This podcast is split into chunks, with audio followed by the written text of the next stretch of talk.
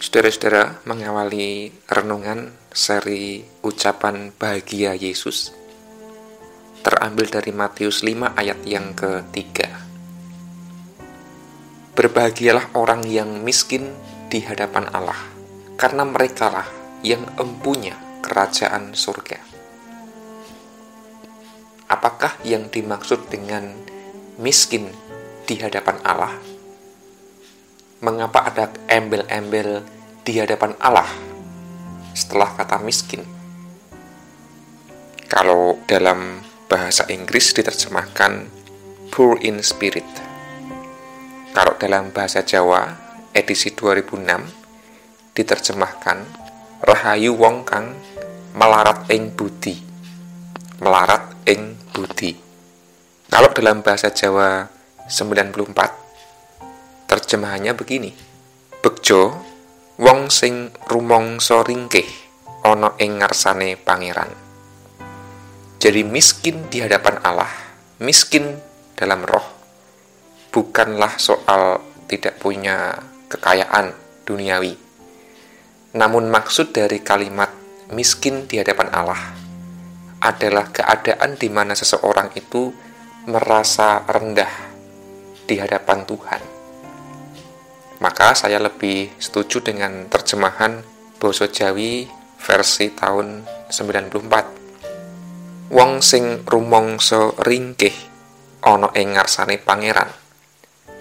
Nah, saya melihat dalam terjemahan bahasa asli memang dari kata tokos pneumati miskin dalam roh. Namun kata tokos itu secara harafiah berarti bersimpuh dengan kaki yang terlipat atau bersujud seperti orang mengemis begitu. Nah, saudara-saudara, sikap bersimpuh, sikap bersujud, sikap rendah, patrap rumongso ringkih wonten ing ngarsanipun Gusti, itulah sikap yang menurut Yesus adalah sikap yang baik. Kita merasa miskin di hadapan Allah, bukan merasa kaya, bukan merasa pintar, bukan merasa mampu, apalagi merasa gagah.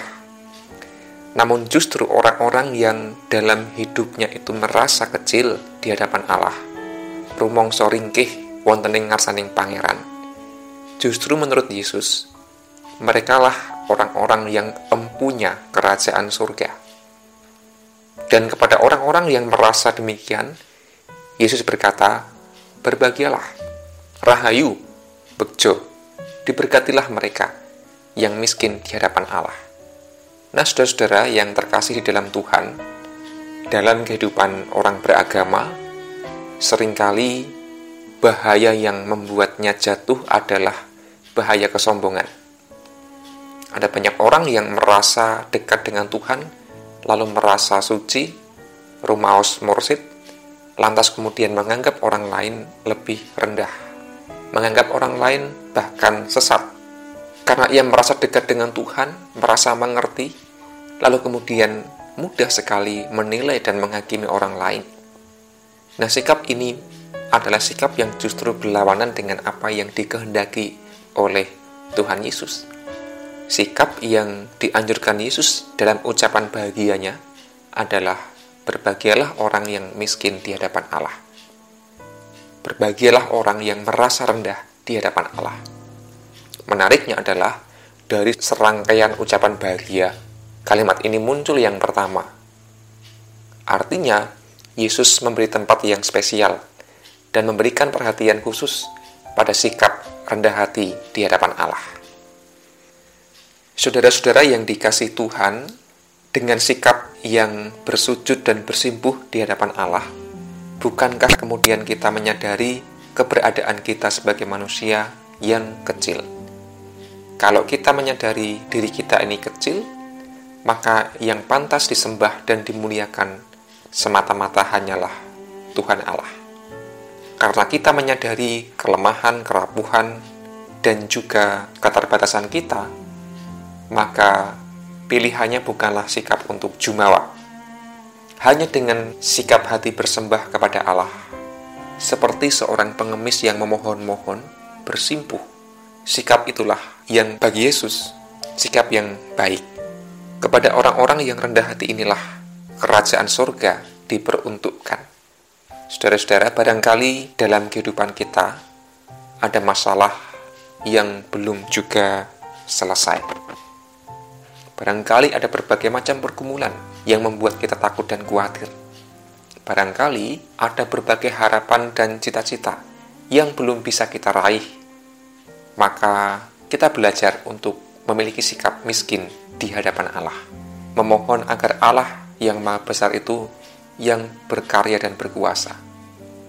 Artinya, kita diajak untuk tidak mengandalkan pikiran dan kemampuan kita, melainkan melibatkan Allah yang maha besar itu. Mari kita berdoa. Ya Tuhan, sesungguhnya kami adalah umatmu yang lemah, umatmu yang ringkih.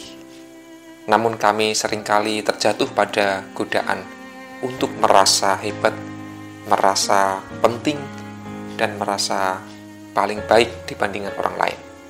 Di saat yang sama kami tergoda untuk justru merendahkan sesama kami. Maka Tuhan, terima kasih atas firman-Mu yang mengajar kami untuk merasa kecil, merasa rendah di hadapan-Mu. Kiranya kerajaan-Mu hadir dalam kehidupan kami setiap hari. Jika demikian, kami merasakan diberkati beruntung, berbahagia, damai sejahtera. Dalam Yesus kami berdoa. Amin.